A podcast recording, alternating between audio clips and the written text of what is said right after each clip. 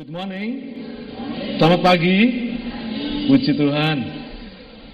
Saya percaya meskipun hari ini dingin, tapi kasih Tuhan menghangatkan kita semua. Amin. Saya percaya hujan tidak menghalangi kita untuk punya semangat beribadah dan menyembah Dia. Amin. Hari ini saya akan bicara tentang mengapa rencana Allah tidak terjadi di dalam hidup kita. Ya. Kitab Yeremia 29 ayat yang ke-11 mengatakan demikian. Sebab aku ini mengetahui rancangan-rancangan apa yang ada padaku mengenai kamu. Demikianlah firman Tuhan, yaitu rancangan damai sejahtera dan bukan rancangan kecelakaan untuk memberikan kepadamu hari depan yang penuh harapan. Saudara, bagi orang percaya, Tuhan itu sudah merencanakan satu kehidupan yang luar biasa, yang tidak sama dengan orang dunia ini. Jelas sekali Tuhan itu merancangkan damai sejahtera. Tuhan tidak pernah merancangkan hidup yang penuh kesusahan dan persoalan. Firman Tuhan ini juga mengatakan bahwa rancangan Tuhan itu bukan rancangan kecelakaan. Sedangkan dunia penuh dengan bahaya, malapetaka dan marah bahaya. Ya. Tuhan dengan jelas juga mengatakan bahwa rancangan Tuhan itu memberikan kepada kita hari depan yang penuh harapan. Orang dunia hari depannya masih penuh tanda tanya, penuh dengan kekhawatiran. Saudara, orang dunia biasa menyebutnya sebagai takdir atau nasib yang tidak bisa diubah. Orang dunia berkata kalau nasibnya miskin ya tetap miskin. Orang Jawa bilang balung kiri. Orang yang nggak pernah bisa kaya, ya punya harta sedikit habis lagi, punya lagi habis lagi, nggak pernah bisa kaya karena dianggapnya sebuah takdir atau sebuah nasib yang tidak bisa diubah. Ada kalanya orang dunia berkata ah takdirnya umurnya memang pendek, ya Padahal umurnya pendek karena makannya jeroan terus. Ya. Saudara, meskipun demikian, bagi orang percaya, apa yang terjadi atas kita, itu juga masih tergantung pada pilihan kita sendiri. Meskipun Tuhan sudah merencanakan sesuatu yang baik dalam kehidupan kita, tetapi apa yang terjadi di dalam hidup kita itu juga masih tergantung kepada diri kita sendiri. Bagaimana pilihan kita untuk hidup pada hari ini? Itu akan menentukan bagaimana kita hidup. Saya ambil contoh. Tuhan punya rencana supaya rumah tangga kita damai sejahtera. Caranya gimana? Caranya firman Tuhan sudah katakan. Suami mengasihi istri dan istri tunduk kepada suami. Itu caranya. Tetapi kita bisa memilih untuk tidak menepati atau tidak mentaati firman Tuhan ini. Kalau suami tidak mengasihi istri dan istri tidak mau tunduk kepada suami, kira-kira rumah tangga bisa bahagia nggak, Nggak akan pernah bisa. Rumah tangga kita tidak akan pernah bisa damai sejahtera. Kacau semua, tidak ada damai. Saya umpamakan seperti Tuhan sudah memberikan kepada kita gambar desain hidup ini seperti bangunan yang indah. Tetapi saudara bisa memutuskan untuk membangunnya ala kadarnya. Asal jadi, bisa toh? Meskipun desainnya bagus, indah, luar biasa, tetapi keputusan kita bisa membuat hidup kita biasa-biasa saja. Asal jadi, pokoknya jadi rumah. Pokoknya jadi bangunan. Saudara, kenapa? Karena kita tidak mau menuruti firman-Nya. Saya mau kasih tahu saudara, iman kekristenan tidak mengenal takdir, tidak mengenal nasib, yang tidak bisa diubah menurut paham orang dunia. Sebab rencana dan kehendak Tuhan itu selalu mengubah apa yang tidak baik menjadi baik. Saya ulangi, saudara.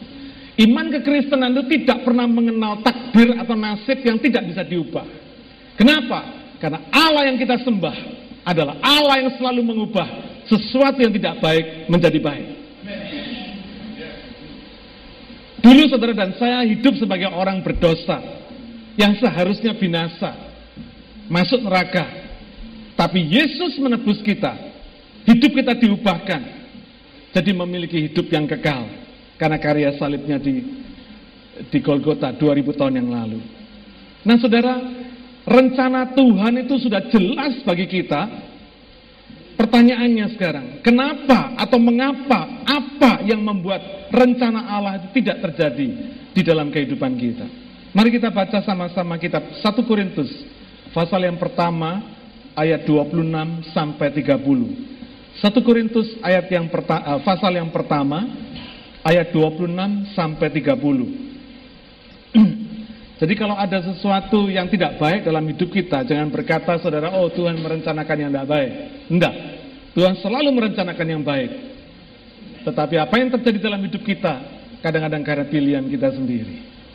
1 Korintus 1 ayat 20 sampai eh 26 sampai 30. Saudara perhatikan. Ingat saja saudara-saudara, bagaimana keadaan kamu ketika kamu dipanggil. Menurut ukuran manusia, tidak banyak orang yang bijak. Tidak banyak orang yang berpengaruh. Tidak banyak orang yang terpandang. Tetapi apa yang bodoh bagi dunia? Dipilih Allah untuk memalukan orang-orang yang berhikmat. Dan apa yang lemah bagi dunia? Dipilih Allah untuk memalukan apa yang kuat. Dan apa yang tidak terpandang dan yang hina bagi dunia dipilih Allah. Bahkan apa yang tidak berarti dipilih Allah untuk meniadakan apa yang berarti. Perhatikan ayat 29.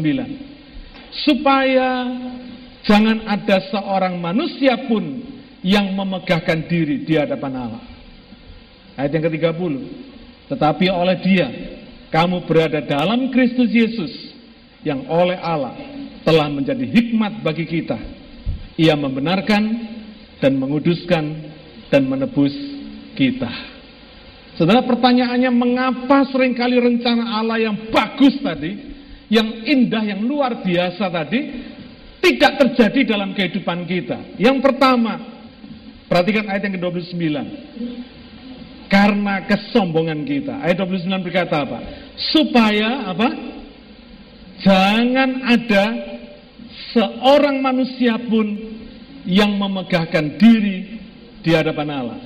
Saudara sudah menjadi rahasia umum bahwa manusia itu kecenderungannya menyombongkan diri. Betul? Daging itu tidak pernah mau menundukkan diri. Daging itu selalu ingin menyombongkan diri. Pilihan dan rencana Allah atas kita dan segala perubahan atas diri kita itu dilakukan Tuhan supaya kita tidak menyombongkan diri di hadapan Allah. Jadi kalau saudara hari ini saudara diselamatkan, saudara menjadi orang Kristen yang punya hidup kekal, itu bukan karena perbuatan baik kita, amin, tetapi karena perbuatan baik Tuhan. Kalau hari ini saudara berhasil, bagi orang percaya kita mesti tahu bahwa keberhasilan kita oleh karena anugerah Tuhan, bukan karena kehebatan kita sendiri. Banyak kok orang hebat tapi nggak berhasil, betul? Banyak orang pinter tapi nggak sukses. Karena itu orang percaya, bagi saudara dan saya yang percaya kepada Yesus, kita tahu persis bahwa keberhasilan kita, kesuksesan kita, itu karena anugerah Allah. Karena kebaikan Tuhan. Artinya kalau bukan Allah yang memilih kita, dan mengubah manusia alami kita, maka sampai kapan pun kita tidak bakal berubah jadi manusia rohani. Anggap saudara? Manusia alami kita adalah manusia yang memang harusnya mati binasa oleh karena dosa-dosa kita. Tetapi puji Tuhan, Yesus mati di kayu salib untuk mengubah apa yang alami menjadi rohani. Menjadi orang-orang yang dikuduskan, dibenarkan, ditebus Tuhan orang-orang yang punya hidup kekal. Ini manusia rohani. Amin. Yang alami tidak pernah bisa hidup kekal. Yang bisa hidup kekal hanya yang rohani. Bersyukur saudara. Kalau kita tahu persis bahwa rencana Allah memilih saudara dan saya untuk mengubah apa yang alami menjadi apa yang rohani. Maka hari ini kita ngerti persis bahwa semua karena anugerah Tuhan. Semua karena kebaikan Tuhan. Kalau bukan Tuhan yang memilih dan mengubah kita menjadi orang yang luar biasa, saudara sampai kapan pun akan tetap jadi orang biasa. Coba ngomong kiri kanan. Tuhan ubahkan saya jadi orang luar biasa. Haleluya. Saudara hari ini percaya bahwa Tuhan mengubah saudara. Bukan lagi jadi orang biasa-biasa, tapi jadi orang yang luar biasa. Apa yang alami diubah Tuhan menjadi sesuatu yang rohani.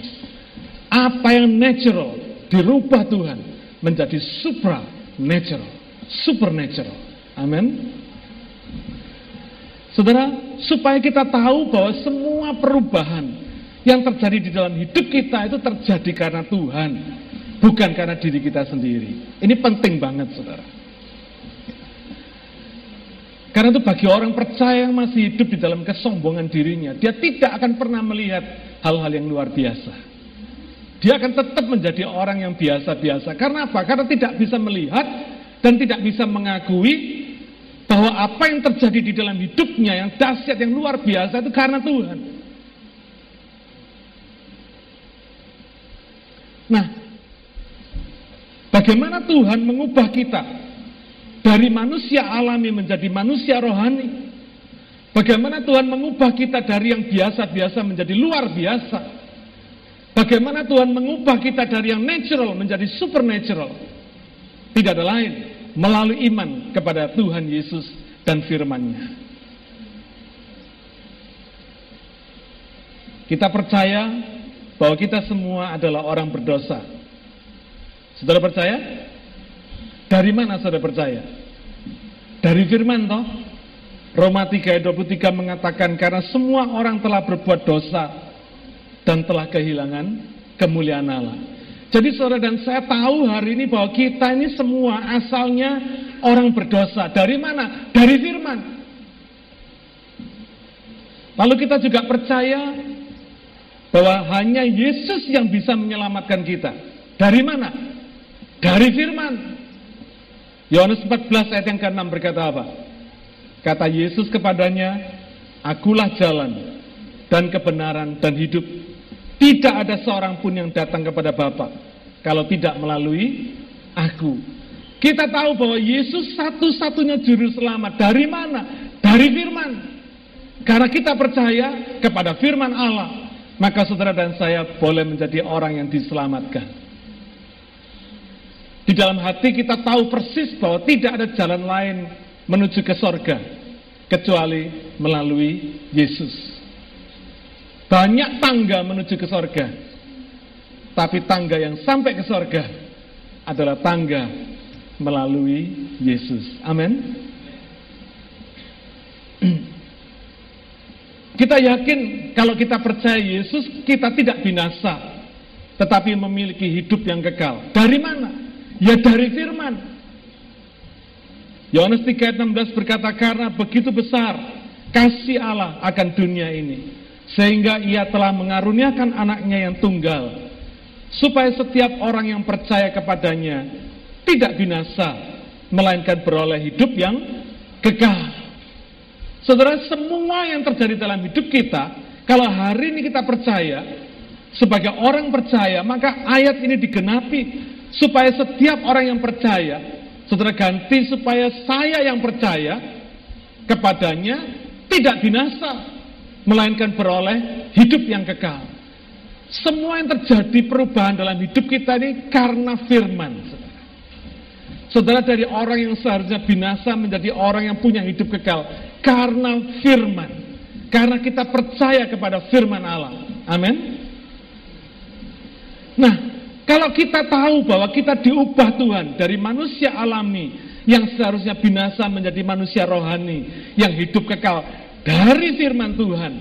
Mengapa kita tidak percaya bahwa dengan firman yang sama Tuhan mengubah semua aspek kehidupan kita dari yang alami menjadi yang rohani.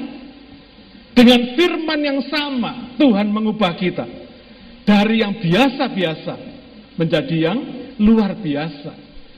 Dengan firman yang sama, Tuhan mengubah yang natural menjadi yang supernatural. Saudara, pekerjaan saudara juga orang lain kerjakan, betul? Tapi kalau saudara percaya, maka pekerjaan saudara akan menjadi luar biasa. Kepintaran saudara mungkin orang lain juga memiliki kepintaran yang sama. Tapi kalau saudara percaya bahwa firman Tuhan mengubahkan kehidupan saudara, maka saya percaya kepintaran saudara akan dibuat jadi luar biasa. Ini satu privilege bagi orang-orang percaya yang tidak pernah dimiliki oleh orang dunia ini. Selain orang yang percaya kepada Yesus. Kenapa saudara? Orang dunia ini beru, meskipun berusaha sekuat tenaga mentok terbatas maksimal sampai kepada kemampuannya yang terbatas. Tapi orang percaya mungkin tidak sampai bekerja jungkir balik seperti orang dunia. Tapi Tuhan memberkati dia, membuat dia berhasil lebih daripada orang dunia. Siapa yang percaya? Praise God. Praise God. Ya.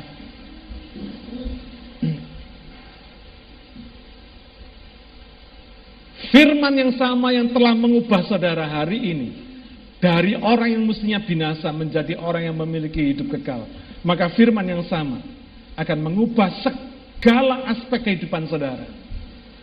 Mulai dari rumah tangga saudara, mulai dari usaha dan pekerjaan saudara, mulai dari studi saudara, apa pun yang saudara lakukan, dirubah Tuhan dari yang alami menjadi yang rohani, dari yang natural menjadi yang supernatural, dari yang biasa-biasa jadi luar biasa, dari orang yang rata-rata menjadi orang yang bisa ngetop saudara.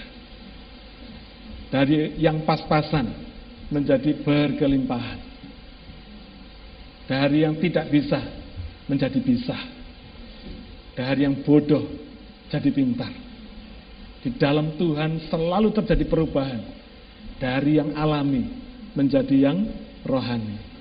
Jadi jangan pernah percaya kalau saudara ini bodoh. Dulu ya,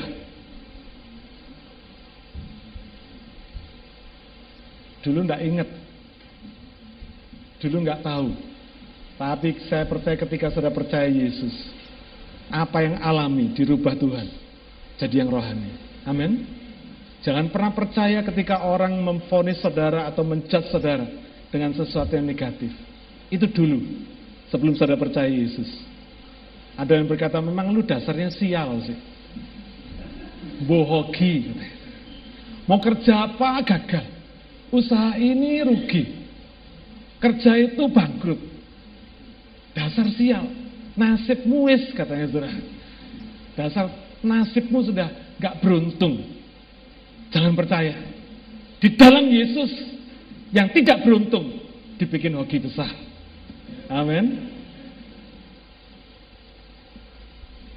Apa yang menyebabkan kita belum mengalami perubahan di dalam semua aspek kehidupan kita? Sama seperti ketika Tuhan mengubah kita dari binasa jadi hidup kekal.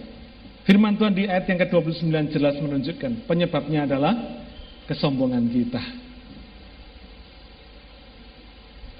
Kita ini lebih percaya pada pikiran kita sendiri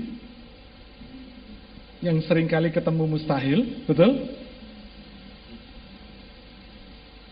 Kadang-kadang kita ini yakin, begitu yakin kita ini benar paradigma hidup kita ini sudah di set up sedemikian rupa. Seolah-olah keyakinan kita itu betul-betul benar. Memang saya tidak bisa. Memang saya nggak ngerti. Memang saya bodoh. Memang saya gagal. Memang saya tidak sama seperti si A, si B, si C. Kalau mereka itu orang-orang yang berhasil, saya ini orang yang tidak berhasil. Itu paradigma kita yang sudah di set up, sudah diatur, sudah ditentukan oleh diri kita sendiri. Begitu yakinnya kita bahwa itu benar. Padahal belum tentu benar. Yakin benar kan belum tentu benar. Kita ini terlalu sombong untuk lebih mempercayai pikiran kita daripada pikiran Tuhan. Pikiran Tuhan serba tidak mustahil. Amin. Bagi manusia mustahil, bagi Tuhan tidak ada yang mustahil. Kalau saudara dan saya masih bisa yakin benar, tapi kalau Tuhan pasti benar. Kita yakin belum tentu betul loh saudara. Tapi Tuhan sudah pasti benar. Jadi kalau hari ini saudara dan saya percaya kepada pikiran Tuhan, mau meletakkan kesombongan kita, maka mari kita lihat, hidup saudara akan mengalami perubahan yang luar biasa. Yang mustahil, jadi nggak mustahil. Yang biasa-biasa, jadi luar biasa. Coba, sering kali kita ini terlalu sombong dengan pikiran kita sendiri. Kita lebih percaya pada kata orang dunia. Kata orang berkata, wah nggak mungkin. Mana bisa kanker sembuh, nggak mungkin. Ya bisa, bisa. Lu mau kerja bisa. Tapi susah berhasilnya. Kan gitu saudara ya. Itu orang dunia berkata. Kita percaya dengan apa kata orang. Lebih percaya kepada kata orang daripada kata Tuhan. Bagi Tuhan selalu mungkin Biar sukar pasti bisa. Tidak ada persoalan yang dibawa kepada Tuhan, tidak ada jalan keluarnya. Pasti ada jalan keluarnya. Pasti selesai sebesar apa pun persoalan kita. Kita lebih percaya pada kemampuan kita daripada kemampuan Tuhan. Kita terlalu sombong hidup di dunia ini, saudara. Kita terlalu mempercayai kemampuan kita yang serba terbatas, serba kecil, serba sedikit daripada Kemampuan Tuhan yang tak terbatas, yang besar, yang banyak, yang melimpah, saudara. Minggu lalu kita sudah berkata, sudah bicara tentang bagaimana kita ini terlalu percaya akan pengalaman kita yang conscious of lack. Yang sadar akan kekurangan. Mulai dari kecil kita sudah diajar bahwa kita ini perlu sadar akan adanya kekurangan. Kita makan mesti habis. Kenapa? Karena di luar sana ada banyak orang yang menderita ada orang yang tidak bisa makan. Ada orang yang makan tiga hari sekali. Karena itu apa yang kita makan mesti habis. Tidak salah. Tetapi tanpa disadari conscious of lack ini, kesadaran akan adanya kekurangan di dunia ini masuk di dalam pikiran kita. Tanpa disadari. Kita sering kali diajar, wah jangan lupa matiin lampu, listrik mahal, nanti gaji papa nggak cukup buat bayar listrik kan gitu ya. Kita diajar untuk sadar akan conscious of lack. Sadar akan kekurangan, sadar adanya keterbatasan, adanya limitasi. Dari kecil kita diajar, tanpa disadari maka pikirannya akan masuk di dalam pikiran kita sehingga kita ini tidak berani mempercayai pikiran Tuhan bahwa apa yang ada di dalam Tuhan itu tidak terbatas. Kepintaran saudara tidak terbatas. Kesuksesan saudara tidak terbatas.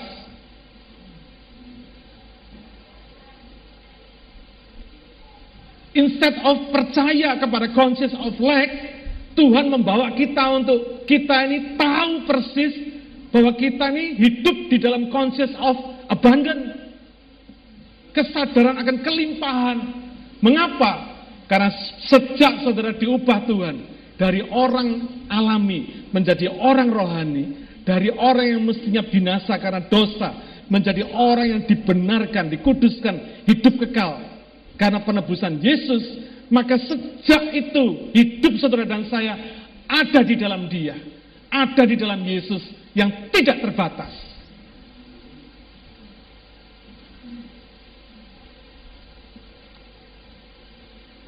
Satu hari seorang motivator menawarkan uang 100 dolar Ketika dia bicara di muka, dia kibarkan uang 100 dolar.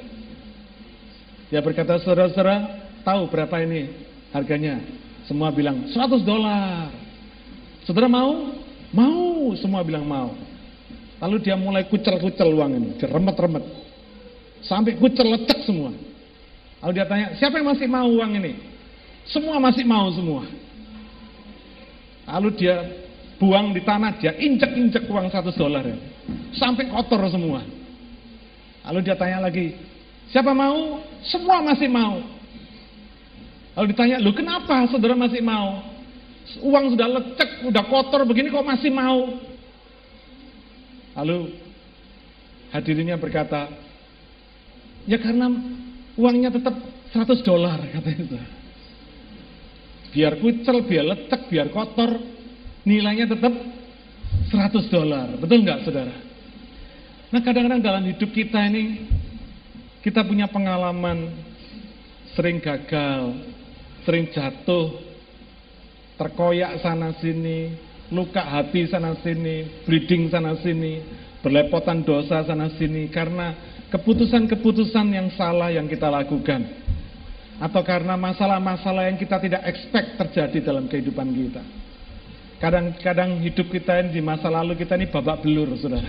Kebentur sana, kebentur sini, nabrak sana, nabrak sini, jatuh sana, jatuh sini. Saudara, kadang-kadang pengalaman-pengalaman seperti itu membuat kita lupa bahwa nilai hidup kita tetap berharga di hadapan Tuhan. Amin. Kalau uang 100 dolar biar lecek, biar kotor semua nilainya tetap 100 dolar. Apalagi saudara dan saya. Amin. Biarpun kita mengalami kehidupan di masa lalu yang berantakan sekalipun, ketahuilah, jangan lupa bahwa nilai hidup kita di hadapan Tuhan tetap berharga. Kenapa? Karena Tuhan mengasihi kita.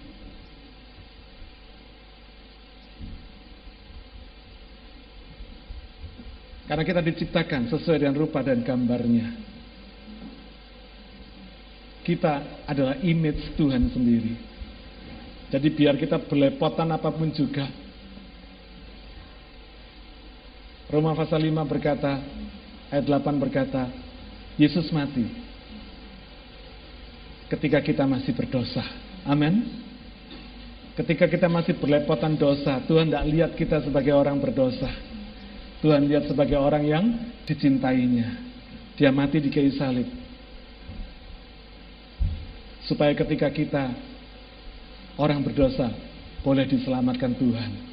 Kenapa? Karena nilai kita tetap berharga di hadapan Tuhan. Kasih akan membuat nilai seseorang itu tetap berharga.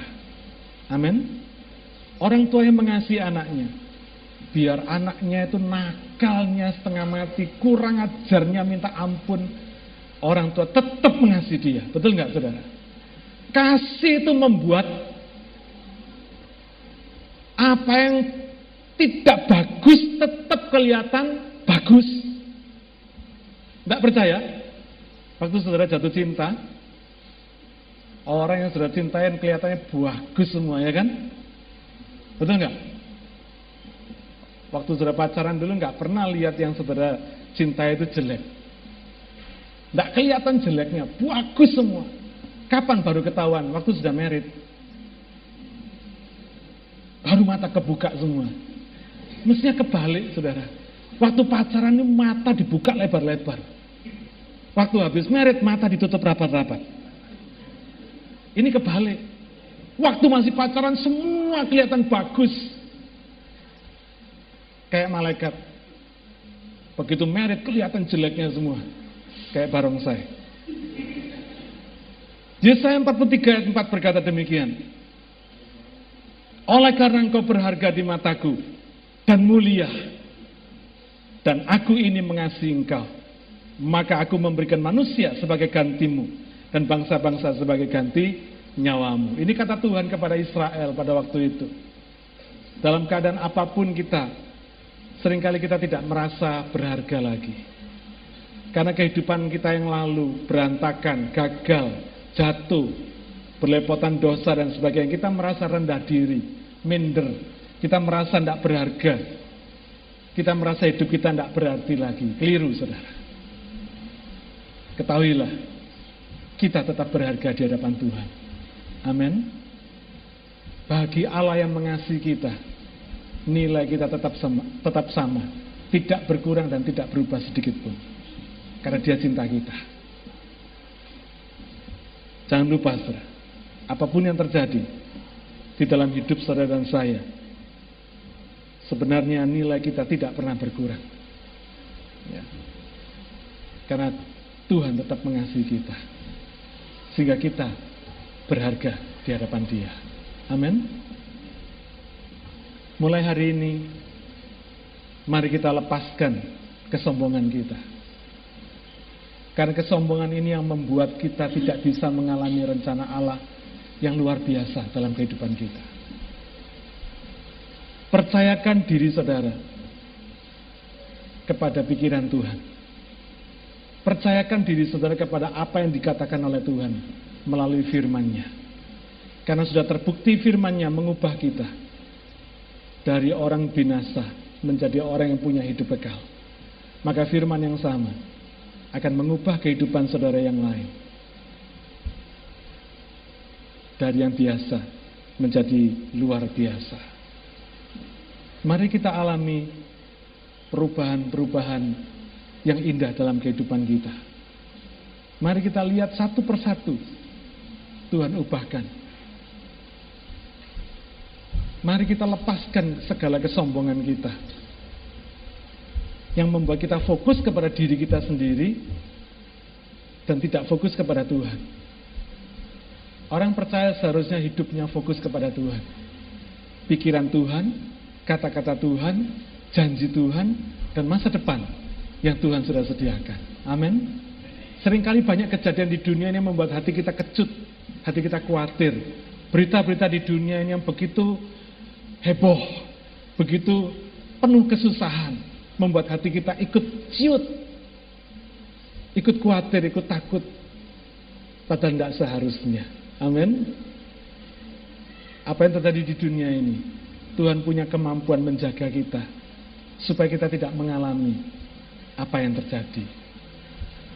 Saudara, mungkin kita mengalami sama seperti apa yang dialami oleh orang dunia ini. Ketika Australia resesi, kita pun juga mengalami resesi. Suatu, suatu keadaan resesi yang sama. Tetapi hasilnya beda. Amin. Hasilnya beda. Pengalamannya sama. Tapi hasilnya berbeda. Saya percaya orang percaya tidak akan pernah kalah dengan persoalan yang terjadi dalam kehidupannya. Tapi orang percaya selalu bisa mengalahkan setiap masalah yang terjadi di dalam kehidupannya. Mari kita lihat hidup saudara dari biasa-biasa menjadi luar biasa. Satu hari seorang profesor ketika dia memberikan ujian kepada mahasiswanya, dia menawarkan kepada mahasiswanya satu tawaran yang menarik. Dia berkata begini, saudara, siapa yang cukup puas dengan nilai C, lulus, angkat tangan. Saudara tidak perlu ikut ujian, boleh pulang. Kalau saudara ditawarin begitu, saudara jadi mahasiswa, saudara milih apa?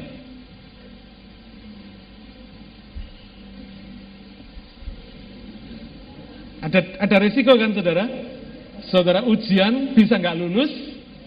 Ini ditawarkan dengan kebaikan sang profesor, sudah nggak usah ikut ujian, pokoknya kamu lulus dapat nilai C.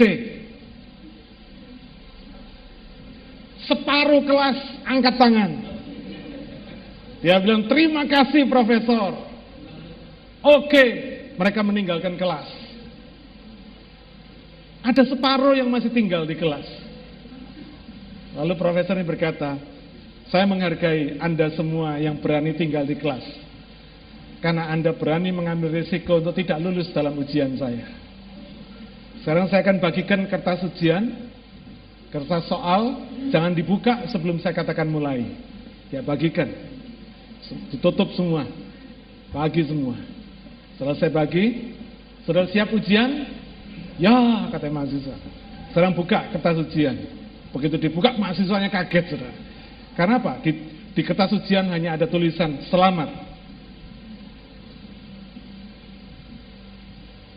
Untuk keberanian Anda mengikuti ujian. Anda lulus dengan nilai A.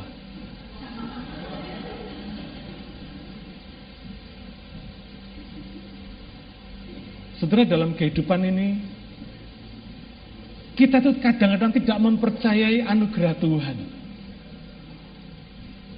Ini semua ilustrasi yang saya berikan kepada saudara untuk memberikan gambaran bahwa yang namanya anugerah itu adalah anugerah. Nggak ada embel-embelnya sama sekali.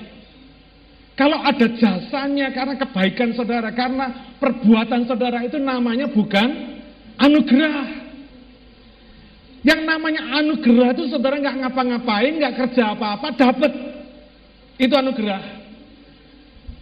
Saudara nggak ikut ujian, lulus, itu anugerah. Tapi bagaimana saudara bisa dapat anugerah A? Sama-sama punya anugerah, toh saudara. Yang tadi dapat anugerah dapat C, yang separuh dapat anugerah nilai A. Apa bedanya? Apa yang membuktikan yang satu kelompok pertama mendapat anugerah nilainya C, kelompok yang kedua mendapat anugerah nilainya A. Apa yang membedakan kehidupan orang Kristen seperti itu?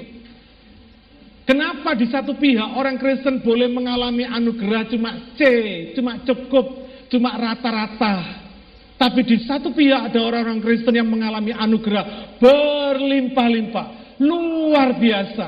Apa yang membedakan ini saudara?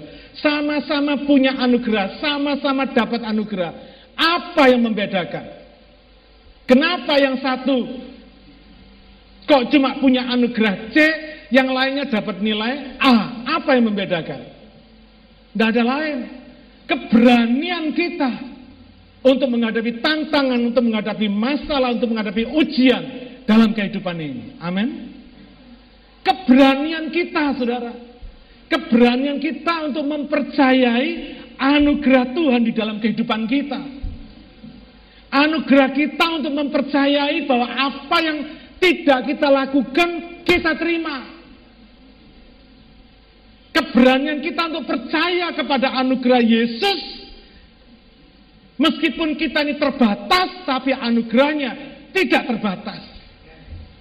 Ketaatan kita terbatas, iman kita terbatas. Bahkan kita mengatakan iman kita kayak biji sesawi, kecil banget. Kerajinan kita baca firman Tuhan terbatas. Kesetiaan kita berdoa terbatas. Kemalasan kita tak terbatas. Tapi kita tidak berani mempercayai anugerah Tuhan yang tidak terbatas itu, saudara. Ini yang membedakan.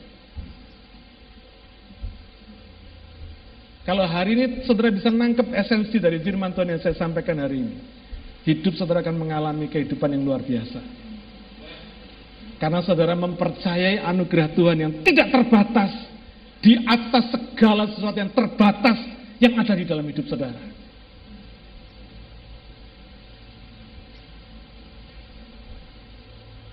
Kita sering kali ambil jalan pintas yang mudah, nggak mau repot, karena puas jadi orang yang biasa-biasa saja. Puas jadi orang yang cukup jadi orang rata-rata. Kayak tadi itu ya, mahasiswa kelompok pertama tadi cukup puas, pokoknya lulus nilainya C. Daripada nggak lulus, kan gitu saudara ya. Kita terlalu sering kali jadi orang yang model seperti ini. Nggak mau repot saudara. Nggak mau susah. Ngambil jalan pintas, yang penting lulus. Nilai C lumayan, kan gitu saudara ya. Saya bersyukur, saya berani bersaksi sama saudara, saya bersyukur jadi orang yang tidak pernah puas dengan rata-rata. Sepanjang sekolah saya cuma satu kali tok kalah sama cewek yang namanya Siubuy. Kelas 2 SD, inget saya nih. Saya jadi juara dua, dia jadi juara satu, nangis saya saudara. Sama ibu guru saya ditanya, kenapa kamu nangis? Saya bilang, saya kalah sama Siubuy lu kamu kan masih juara dua. Iya tapi dia juara satu. lu kenapa kamu nangis? Karena saya tahu saya bisa jadi juara, juara satu. Berbahagialah saudara kalau saudara tidak mau jadi orang rata-rata. Orang rata-rata ini sudah kebanyakan di dunia ini saudara. Jangan ditambahi sama saudara lagi.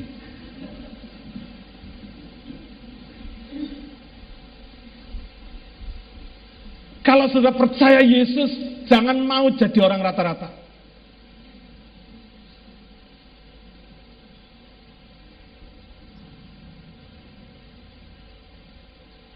Justru kita sering kali mau jadi orang rata-rata, kita sering kali mau ambil jalan pintas, nggak mau repot, puas, jadi orang biasa-biasa saja, justru di saat yang seharusnya ada kesempatan untuk membangun prestasi hidup supaya kita punya nilai di atas rata-rata, hidup secara luar biasa. Kita sering kali puas jadi orang biasa-biasa ketika kita ini punya kesempatan untuk menjadi orang yang luar biasa. Justru di saat kita ini punya kesempatan untuk jadi yang luar biasa, tapi kita ini masih puas jadi orang biasa-biasa. Keliru besar, saudara. Orang dunia mau mengharap jadi luar biasa, tidak akan mungkin. Tapi saudara dan saya yang punya Yesus, punya kesempatan. Jadi orang luar biasa, tapi mau hidup biasa-biasa. Karena apa? Karena lihat kemampuan kita. IQ saya jongkok pak. Dari dulu susah, ngitung susah. Matematika hitungan susah. Dulu tidak bisa, sekarang bisa. Saya percaya di dalam Yesus saudara bisa dibikin pinter. Amin. Waduh pak, saya dulu punya pengalaman banyak gagal. Tak yakin saya bisa berhasil. Dulu gagal, boleh. Di dalam Yesus saudara pasti berhasil. Dulu nggak tahu, oke, sekarang saudara akan dikasih tahu.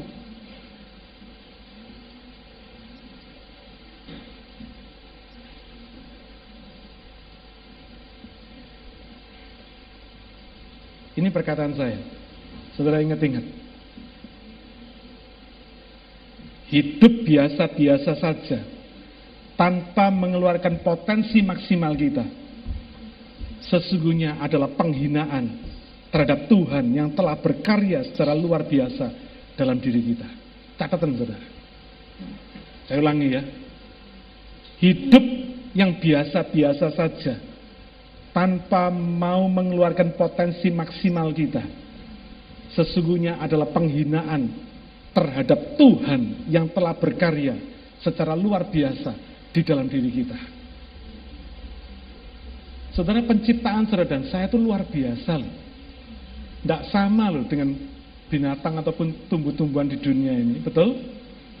Saudara dan saya itu diciptakan secara luar biasa. Di Alkitab dipakai kata yang berbeda, yang punya arti workmanship. Dari apa molding tangan Tuhan sendiri, bukan cuma dikatakan dengan firman saja. Yang lainnya Tuhan ciptakan alam semesta ini hanya dengan berkata-kata. Jadilah terang, jadi. Jadilah matahari, jadi. Tapi ketika Tuhan menciptakan saudara dan saya, Tuhan pakai kata yang berbeda, workmanship. Dibentuk oleh tangan Tuhan sendiri. Penciptaan saudara dan saya itu luar biasa. Lah kalau kita ini luar biasa terus mau hidup dengan semangat biasa-biasa, itu penghinaan terhadap pencipta kita, saudara. Yang kedua, penebusan Kristus di kayu salib itu luar biasa. Bayangin Allah yang mulia, dia rela mati, dia rela ke dunia yang tidak mulia ini untuk supaya jadi seperti kita manusia. Supaya kita ini tidak binasa tapi beroleh hidup kekal. Itu karya yang luar biasa. Lah kalau kita yang sudah ditebus dengan bayaran yang luar biasa dengan harga mahal, yaitu darah Yesus sendiri. Pasti saudara dan saya ini luar biasa. Amin. Karena Tuhan tebus kita dengan luar biasa. Nah kalau kita sudah ditebus Tuhan dengan luar biasa, sudah diciptakan dengan luar biasa, terus kita ini mau hidup biasa-biasa saja, penghinaan kepada pencipta kita dan penebus kita, saudara. Saya tidak berkata kalau sudah jadi orang luar biasa terus harus kaya raya jadi konglomerat. Enggak. Tapi keluarkan potensi maksimal saudara. Amin. Talenta dalam hidup saudara jangan dipendam. Jangan karena kemalasan saudara ber, tidak berani mengambil langkah Yang baru tidak berani mencoba, tidak berani untuk menghadapi tantangan, tidak berani menghadapi kesulitan, dan saudara mau ambil jalan pintas yang tidak mau repot, nggak mau susah, yang penting aman. Tidak berani keluar dari comfort zone saudara. Yang penting selamat. Oh gini aja sudah baik loh Pak, kenapa mesti susah-susah? Kenapa mesti repot-repot? Itu penghinaan kepada pencipta kita. Karena apa? Karena dia menciptakan kita dengan potensi yang luar biasa. Minggu lalu saya sudah khotbah kan? Kenapa murid-murid model seperti Petrus, Andreas, Matius begitu, ya kan? Petrus cuma emosi, ya kan? Orang emosi. Ngomong dulu mikir belakangan kan gitu toh. Thomas tipe murid yang peragu, nggak percaya. Ngomongnya mesti sinis. Kalau aku tidak mencocokkan jariku ke lubang paku, aku tidak mau percaya. Kan banyak toh gaya gaya Thomas di antara kita kan banyak kan? Matius, gaya Matius ada. Gaya manipulasi. Manipulasi waktu, manipulasi duit, manipulasi perpuluhan. Kan banyak toh gaya-gaya Matius ini. Tapi meskipun demikian Tuhan menyebut mereka, kamu terang dunia. Waduh saudara, hebat enggak? Yesus kepada muridnya model begini dia berkata, kamu adalah terang dunia. Apanya yang terang dunia saudara? Kenapa Tuhan Yesus berkata kepada murid-murid model begini dia terang dunia? Karena Yesus tidak melihat profesinya, tidak melihat keadaannya, tidak melihat situasinya, tidak melihat eksistensi mereka saat itu. Kan, tapi Yesus melihat potensi yang ada di dalam mereka. Jadi terang dunia. Amin. Hari ini memang saudara kelihatannya jadi orang biasa-biasa saja, ya kan? Makan sehari tiga kali. Kadang tidur masih telat bangun, kan gitu saudara ya. Suruh berdoa masih males, Suruh Bible study masih ada, ada alasannya ini, itu, dan sebagainya. Itu profesi saudara hari ini. Itu eksistensi saudara hari ini. Tapi percaya bahwa Tuhan tidak melihat saudara hari ini. Tuhan melihat potensi yang ada di dalam saudara dan saya hari ini. Karena itu saya percaya. Kalau Tuhan berkata kepada ketiga muridnya dan murid-murid yang lain, kamu adalah terang dunia. Maka Tuhan yang sama hari ini berkata kepada saudara dan saya, kamulah terang dunia. Siapa yang percaya? Praise God. Praise God. Praise God. Saudara menjadi orang yang punya potensi di dalam Yesus. Menjadi jemaat yang duduk manis, setia ke gereja, itu biasa. Siapa yang percaya itu biasa? Biasa. Jemaat duduk manis, setia ke gereja, bayar perpuluhan. Biasa. Biasa. Kenapa yang di lain tempat juga begitu loh. Sama loh. Mari kita tingkatkan. Jadi jemaat yang biasa ini menjadi jemaat yang luar biasa. Selangkah lebih maju. Amin. Jadi jemaat yang luar biasa. Caranya sederhana. Bawa satu jiwa kepada Tuhan dalam satu tahun. Sederhana enggak, saudara? Targetnya mulu-mulu enggak? Enggak toh? Dalam satu tahun cuma bawa satu jiwa loh, saudara. Siapa yang bilang enggak bisa? Awas ya. Bisa. Kalau mau, bisa. Tapi persoalannya sering kali kita tidak mau, betul nggak saudara? Kita maunya jadi jemaat biasa. Lupa bahwa kita ini punya potensi luar biasa. Kita tidak mau susah, nggak mau repot. Aduh, bawa jiwa lagi sama Tuhan. Aduh, Tuhan sudah. Uang ke gereja aja masih bisa, untung. Kita nggak mau repot, saudara. Nggak mau mengeluarkan potensi maksimal yang ada di dalam kita. Jadi kita tetap mau jadi jemaat biasa. Jelek enggak, bagus enggak. Pokoknya biasa lah Pak, rata-rata. Hari ini saya tantang saudara. Jangan pernah mau jadi jemaat biasa. Jadilah jemaat CLC yang luar biasa. Saya nggak punya jemaat yang biasa-biasa. Saya bangga punya jemaat seperti saudara. Karena saya percaya saudara luar biasa. Ambil keputusan untuk menjadi jemaat yang mau melayani Tuhan. Di bidang yang saudara bisa lakukan. Bukan apa yang saudara tidak bisa lakukan. Saya akan training saudara. Saya akan training jemaat. Mulai dari tidak bisa sampai bisa. Mulai dari yang nggak tahu sampai tahu. Dari jemaat yang biasa-biasa menjadi jemaat yang luar biasa. Siapa di sini yang masih belum bisa berdoa? Ada nggak? Wah, sudah bisa berdoa ya? Nanti saya gilir saudara, saya panggil saudara berdoa. Saudara, jangan pernah jadi orang yang mau biasa-biasa. Dulu tidak bisa, sekarang tidak bisa, selama-lamanya tidak bisa. Jangan mau. Karena sudah punya potensi luar biasa. Saya mau announce saudara pagi hari ini. Tolong dicatat.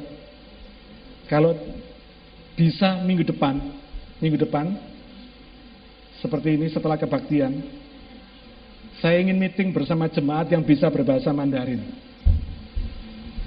Semua jemaat yang bisa berbahasa Mandarin, saya mau brainstorming dengan saudara. Karena kita akan buka kebaktian berbahasa Mandarin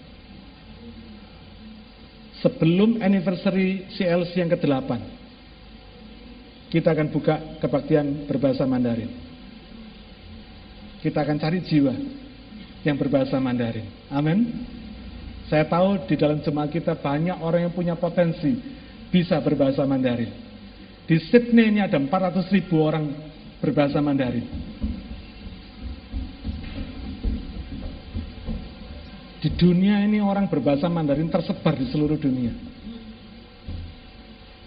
Website kita pada hari ini sudah diakses rata-rata dalam satu tahun lebih dari 30 ribu orang dari 124 negara baik yang berbahasa Indonesia maupun yang berbahasa Inggris setiap minggu saya mendapat undangan pelayanan dari luar negeri bertubi-tubi dan saya percaya masih ada orang-orang yang berbahasa Mandarin yang belum kita jangkau. Karena itu saya mau jadi CLC ini tidak jadi gereja Indonesia yang biasa-biasa. Kita mau jadi gereja yang luar biasa. Siapa yang mau? Siapa yang mau jadi jemaat yang luar biasa? Praise God. Praise God. Saya tidak paksa saudara yang tidak mau. Saya cuma encourage saudara yang mau. Amin. Dan saya janji akan training saudara. Saya tidak bisa berbahasa Mandarin. Dengar bisa, ngomong tidak bisa. Ya kalau dengar kalau tidak bisa gimana? Dengar pasti bisa. Ngerti urusan belakangan. Dengar yang penting bisa. Ngomong tidak bisa, ngerti nggak bisa. Tapi yang penting berani. Kalau hari ini saya tidak bisa berbahasa Mandarin, saya percaya kalau nanti CLC buka bahasa Mandarin, saya akan bisa berbahasa Mandarin. Amin. Apalagi saudara yang bisa berbahasa Mandarin. Kalau nggak mau kebangetan. Karena apa? Karena saudara nggak berani. Karena saudara nggak berani keluar dari comfort zone saudara. Mari saya ajak saudara. Sebagai jemaat yang luar biasa. Saya tidak pernah melihat saudara jemaat yang biasa-biasa. Di mana-mana saya selalu kagumi saudara. Saya selalu banggakan saudara.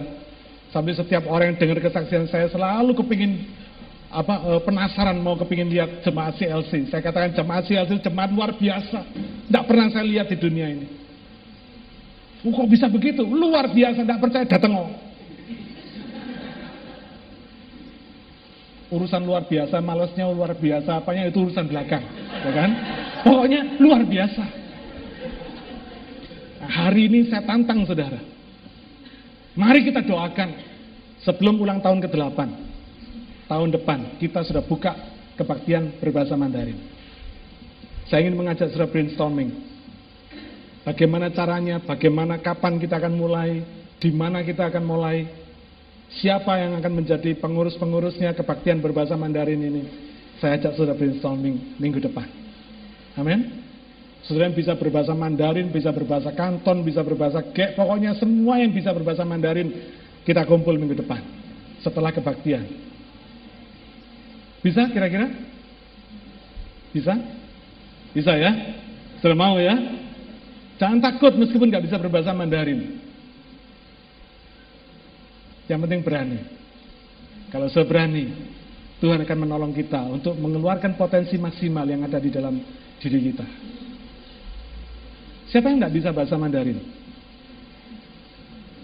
Ya, nggak bisa. Sekarang.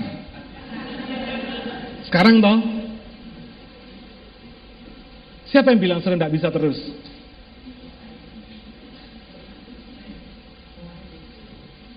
Siapa yang bilang sering nggak bisa terus? Hari ini sering nggak bisa berbahasa Mandarin. Bukan berarti saudara tidak bisa berbahasa Mandarin. Hari ini belum bisa, bukan berarti tidak bisa. Amin. Karena saya percaya saudara, kalau kita punya kemauan, kalau kita punya keputusan, kalau kita ingin supaya rencana Tuhan terjadi dalam kehidupan kita, kita akan mengambil langkah berani. Saya tidak bisa berbahasa Mandarin, tapi saya berani buka kebaktian bahasa Mandarin. Kenapa? Karena saya mempercayai potensi Allah yang ada, yang mampu menggali potensi maksimal saudara. Saya nggak mempercayai diri saya sendiri, tapi saya mempercayakan diri kepada Dia yang luar biasa. Amin. Dia yang luar biasa akan membuat kita yang kelihatannya biasa jadi luar biasa. Mari kita ajak semua jemaat CLC untuk jadi jemaat Indonesia yang berani buka kebaktian bahasa Mandarin. Saya belum pernah dengar. Mungkin sudah ada. Tapi mungkin kita akan menjadi yang pertama di dunia ini. Amin. Mari kita doakan. Dan mari kita melangkah dengan berani. Mengandalkan anugerah Tuhan. Amin. Kalau Tuhan yang memberikan anugerah, saudara, pasti bisa.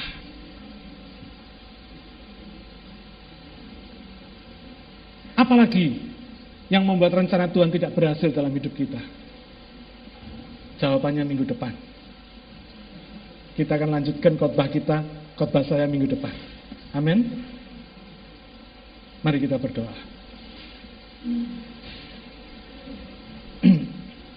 Bapak Surgawi, kami percaya bahwa Engkau punya rencana yang indah, ajaib, dan luar biasa dalam kehidupan kami. Sesuai dengan firman-Mu yang sudah mengatakannya dan menjanjikannya. Bapak kami percaya bahwa engkau bukan Allah pembohong, tapi engkau Allah yang berkata apa adanya. Engkau tidak pernah berbohong, engkau tidak pernah gagal, dan engkau tidak pernah membatalkan rencanamu yang indah dalam hidup kami. Karena itu hari ini kami minta ampun kepadamu Tuhan. Karena kami sering kali, karena kesombongan kami, kami tidak bisa mengalami rencana yang Tuhan sudah tetapkan dalam kehidupan kami. Rencana yang baik, rencana yang indah, rencana yang luar biasa. Ampuni kami Tuhan. Dan dalam mulai hari ini kami mau bertekad untuk mempercayakan diri kami kepadamu dan membuang segala kesombongan kami. Kami mau mempercayakan diri kepadamu supaya rencanamu yang sempurna jadi dalam kehidupan kami. Buatlah agar supaya kami bisa melihat potensi maksimal muncul dari kehidupan kami. Orang yang biasa menjadi luar biasa. Orang yang natural menjadi supernatural. Oleh karena anugerahmu. Tuhan, berikan kepada kami semangat, keberanian, kekuatan, dan kemampuan untuk kami melangkah, berani mengambil langkah, mengandalkan Engkau Tuhan. Sebab Engkau Tuhan yang luar biasa. Engkau sudah menjadikan kami dan menebus kami secara luar biasa. Bapak, terima kasih. Kami tidak mau kesombongan kami menghalangi rencanamu terjadi di dalam kehidupan kami. Terima kasih Bapak. Berkati seluruh jemaatmu di CLC ini. Kami percaya Engkau punya rencana ajaib yang luar biasa dalam kehidupan kami. Buatlah kami melihat dan mengalaminya dengan iman kepada Tuhan Yesus. Terima kasih Bapak. Dalam nama Tuhan Yesus kami berdoa. Haleluya. Amin. Tuhan memberkati saudara.